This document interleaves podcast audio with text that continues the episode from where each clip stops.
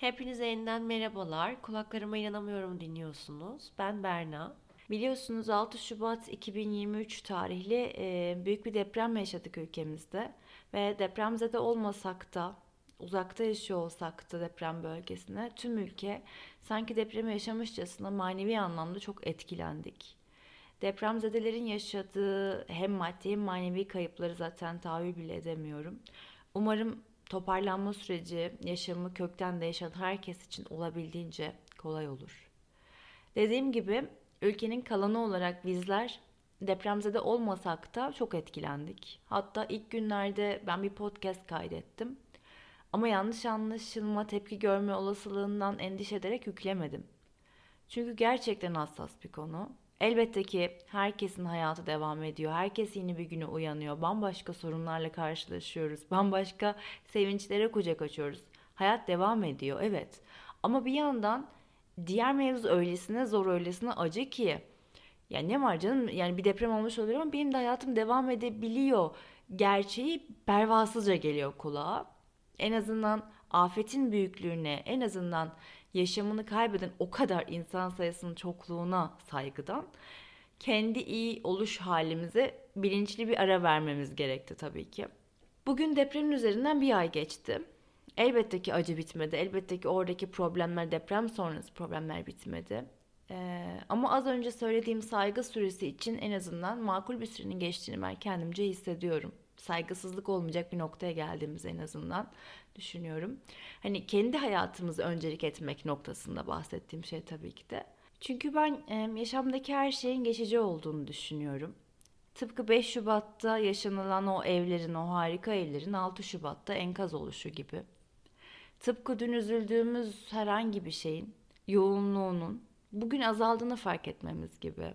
Ya da Sezen Aksu'nun dediği gibi daha öncekiler gibi bu da geçer. Neler neler geçmedi ki. Ben bugün geçicilik fikrini yani her şeyin aslında olumlu da olumsuz da gelip geçici olduğu fikrine ağırlık vermek istiyorum ve bunu Budizm üzerinden anlatacağım. Budizm de insanların yaşadığı alem olan olgular dünyasının Üç özelliğinden biri olarak kabul ediliyor bu geçicilik. E, anitya olarak Sanskritçe'de ifade ediliyor. Ve bu e, anitya e, felsefesine göre dünyada hiçbir şey birbirinden bağımsız olmadığı için her şey değişime tabidir ve dolayısıyla geçicidir. İnsanlar bu geçici dünyada bir takım şeylerin kalıcı olduğu sanrısına kapıldıkları ve bu şeylere bağlanmaya çalıştıkları için bu geçicilik ızdıraba neden olur diyor ben bu fikre çok katılıyorum. Çünkü ıstırap duyduğum şeylere baktığımda e, altından hep şu çıkıyor. Aslında öyle olmaması gerektiğine çok inanmışım. Ama nereden çıktı bu? Ama böyle olmamalıydı. Yani hep bu düşünce, hep bu hayal kırıklığı, hep bu şaşkınlık e, olduğu için o her şeyin aslında öyle olmaması gerektiği fikrine çok yapıştığım için bu büyük hayal kırıklığını yaşadığımı fark ediyorum. Halbuki tepe taklak oluşa üzülmemin sebebi hayatımın hep benim öngördüğüm biçimde dümdüz gideceğini sanmamdandı. Değişimin hiç gerçekleşemeyeceğini sanmamdandı diyorum. Ne zamandan beri? Ya valla bugün böyleyim ama yarın nasıl olur, işler nasıl devam eder bilmiyorum. Bakış açısıyla baktığımdan beri. Hayatın getireceği her ihtimali kabulleneceğimi fark ettiğimden beri. Yani öyle ya da böyle paşa paşa kabulleneceğimi fark ettiğimden beri o ihtimalleri de yaşamaya izin vereceğim dedikten sonra birçok şeye bakış açım gerçekten değişti.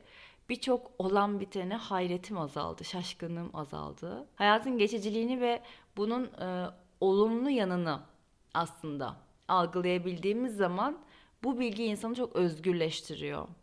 Deprem örneğinden mesela hani bu öğretiyi, bu özgürleştirme fikrini anlatacak olursak şöyle anlatayım. E, depremden neden bu kadar korkuyoruz? Depremi neden bu kadar olumsuz etiketliyoruz?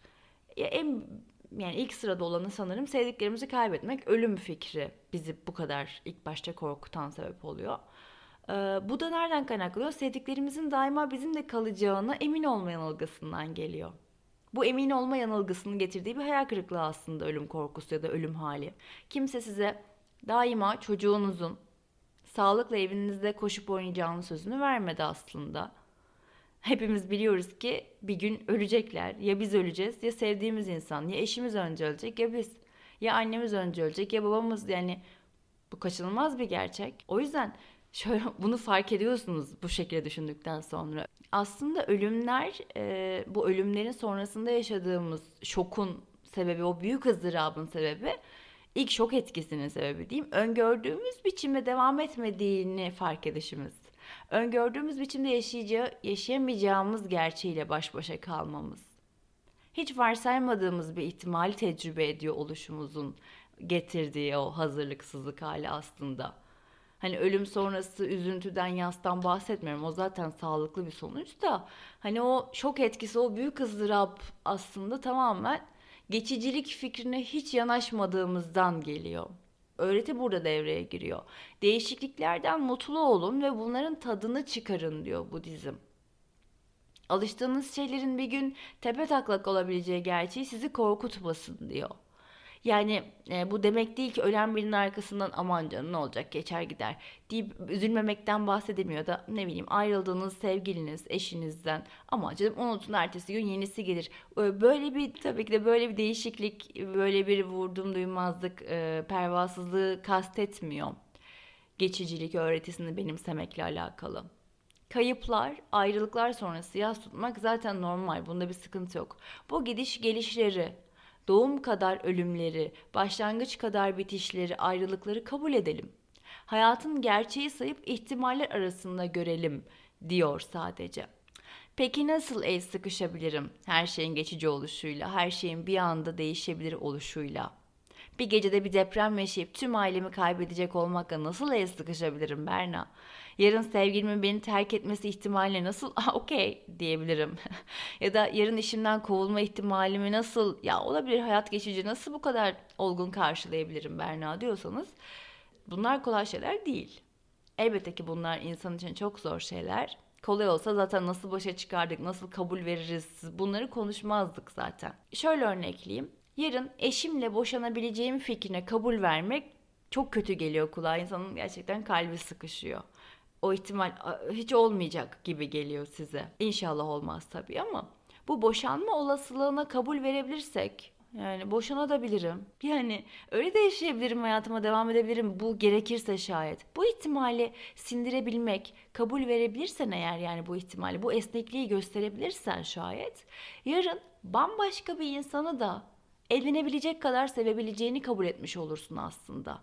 Bambaşka bir ihtimali de kucak açabilmeyi e, kabul etmiş olursun aslında. Hani bahsettiğim geçiciliği hem olumlu hem olumsuz bir esneklik olarak düşünün. Evet bir deprem yaşanırsa evimi, ailemi kaybedebilirim.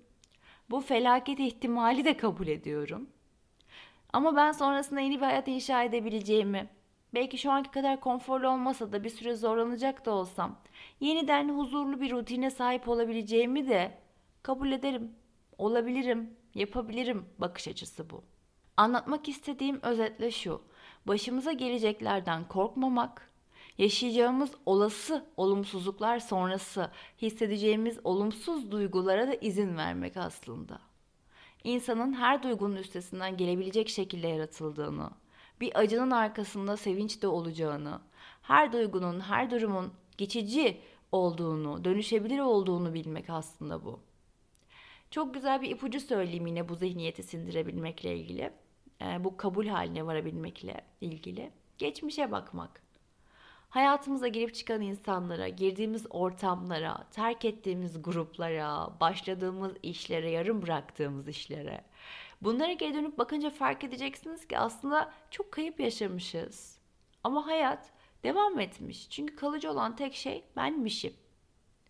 Burası benim dükkanım diye bir bakış açısından bahsetmiştim önceki bölümlerde. Dinlediyseniz mutlaka hatırlarsınız. Demiştim ki yaşamınız, ömrünüz sizin dükkanınız, sizin işletmeniz. Böyle düşünün. Müşteriler gelir, geçer. Favori müşterin olur. Ama bir süre sonra hiç senden alışveriş yapmadığını fark edersin. Evet belki bu durum canını biraz acıtır.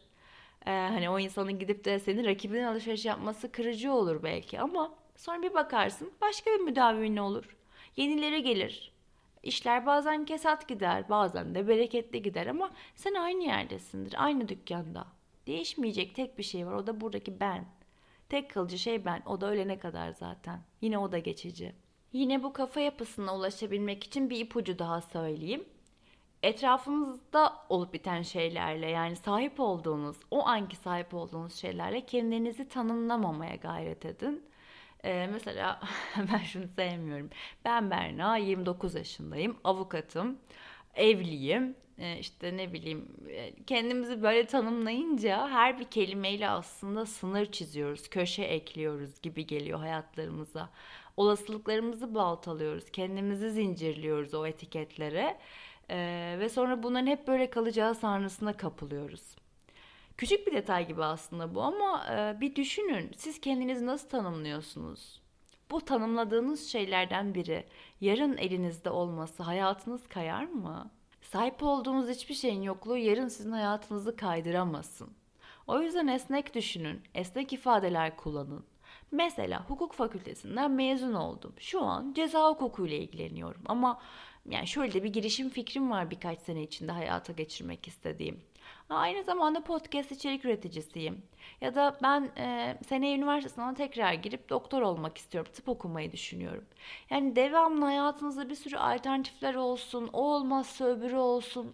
O ihtimal hiç olmaz. Hayatta olmaz demeyin. O ihtimal de bir yerde cebinizde dursun.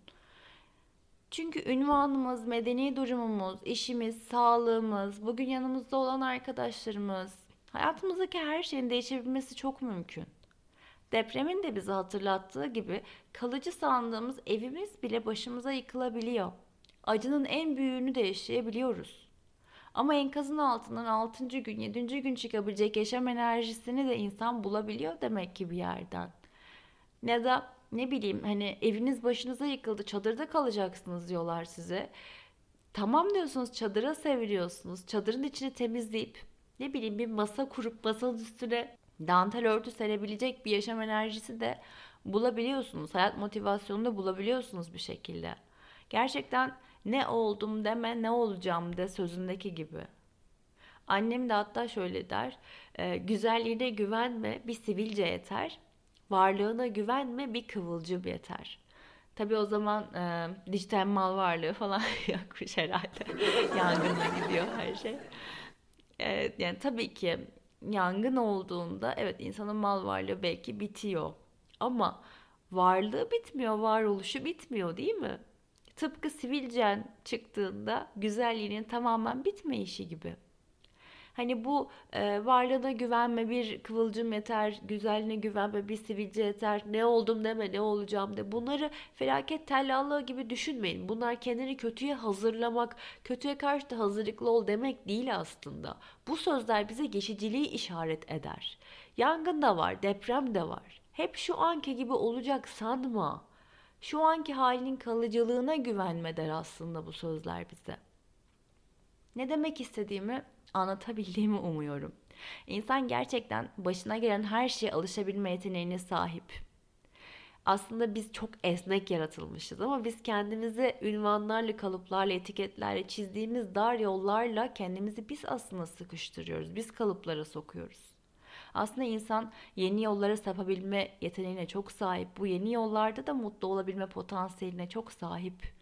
O yüzden hiçbir değişim sizi korkutmasın, hiçbir kayıp sizi bitirmesin. Bunlar olmayacak. Hep yolumuza devam edeceğiz bir şekilde zaten. Ölmediğimiz sürece. Nefes alıp verdiğimiz sürece. Her saniye nefes alıp veriyoruz değil mi? Her gün güneş doğuyor ve sonra batıyor. Her gün bir bebek doğuyor ama bir insan da ölüyor. Bu felsefede baktığınız zaman yani beni en azından çok korkutmamaya başladı hayat. O korku dediğimiz büyük şeylerin aslında kendi bir şeyleri yapışmam, bir şeyleri tutmam, hiç bırakmamamdan ileri geldiğini fark ettim.